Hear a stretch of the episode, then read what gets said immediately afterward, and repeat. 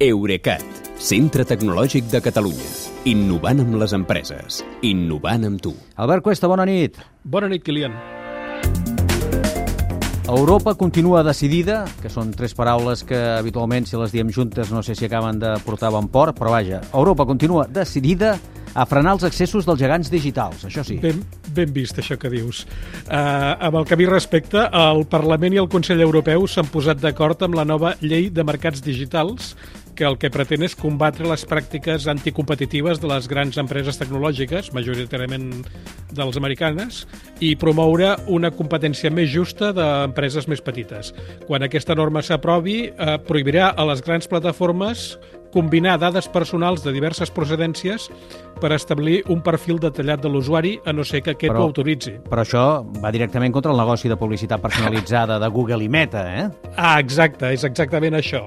Uh, a més d'això, la llei també els prohibirà a les plataformes que forçar els usuaris a descarregar les aplicacions d'una única botiga, com fa Apple fins ara, i també eh, que donguin preferència a les seves aplicacions i serveis propis, com és habitual. Per exemple, els usuaris d'iPhone hauran de poder esborrar el navegador web Safari i els d'Android triar més fàcilment alternatives al cercador, als mapes o al navegador de Google. Interessant tot plegat. També deies que serà obligatori que els serveis de xat es connectin entre ells. Sí, però mm, de fet no està del tot clar com. El que diuen és que WhatsApp, el Messenger de Facebook i l'iMessage d'Apple s'hauran d'obrir i ser interoperables amb serveis menys populars com Telegram o Signal. Hi ha qui ho ha interpretat com que un usuari d'iMessage o de Telegram podrà xatejar amb un de WhatsApp o un de Signal sense haver de canviar de programa, però en realitat es, també es podia limitar a obligar-los a facilitar que puguis descarregar els teus missatges i contactes d'un servei per emportar-te'ls amb un altre. Ja. Si acaba ser la primera opció, la més, diguéssim, sofisticada, jo ja et dic ara que serà un malson tecnològic per les empreses, sobretot si es pretén mantenir la protecció de les dades personals, però això ja ho anirem veient. Parlaves d'empreses. A quines afectarà aquesta nova llei europea? Doncs a les plataformes, aquells que, que la comissió an- anomena gatekeepers o porters de la xarxa, que els defineix com les empreses que valen a borsa més de 75.000 milions d'euros o que facturen més de 7.500 milions dins de la Unió Europea i que tenen més de 45 milions d'usuaris. O sigui, les nord-americanes de sempre, Google, Apple, Facebook, eh, Amazon, Microsoft, però també hi entren la xinesa Alibaba o mm, gent més petita, menys coneguda, com Booking.com, per exemple.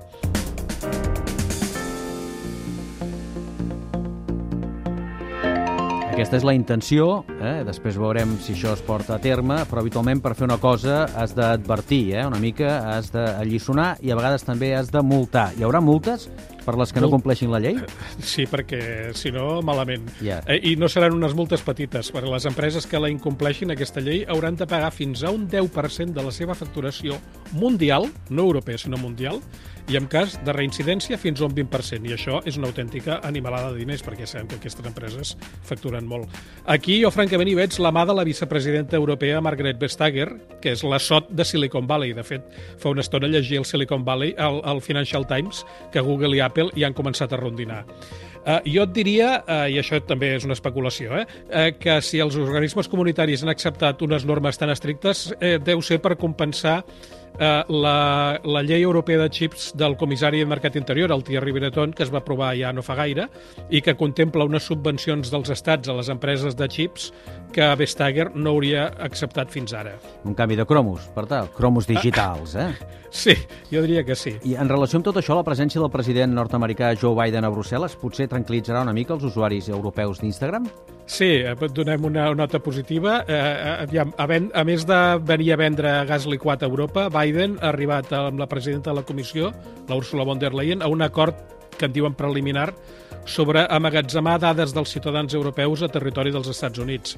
Eh, jo encara no he aconseguit eh, esbrinar quines diferències hi ha amb els acords anteriors que Europa ja va tombar, però cal recordar que Mark Zuckerberg va amenaçar que si havia de mantenir les dades europees amb servidors europeus, potser li sortia més a compte tancar la barraqueta i deixar-vos sense Instagram. I això per molta gent seria un autèntic daltabaix. Eh? Un drama, sí, sí. Sí, sí. Bé, escolta'm, que sigui un cap de setmana sense drames, que vagi molt bé i fins dilluns. Bona nit, Kilian, fins dilluns. Eurecat, Centre Tecnològic de Catalunya. Innovant amb les empreses. Innovant amb tu.